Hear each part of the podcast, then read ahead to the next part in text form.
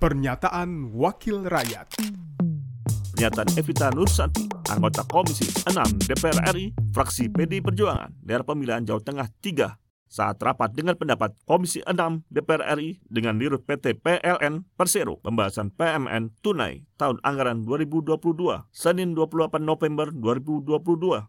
Saya ingin tahu mengenai progres lebih lanjut mengenai PMN juga untuk pembiayaan percepatan pembangunan empat destinasi wisata. Itu kan ada Ciku, ada Likupang, Danau Toba, Labuan Bajo, Mandalika, dan Borobudur. Nah ini juga progresnya ini seperti apa sih sebenarnya? Kita juga tidak dipaparkan di Komisi 6. Apa yang sudah dilakukan, apa yang masih belum, itu juga tidak terlihat. Kenapa saya sampaikan ini? Karena bagi saya ini sangat penting.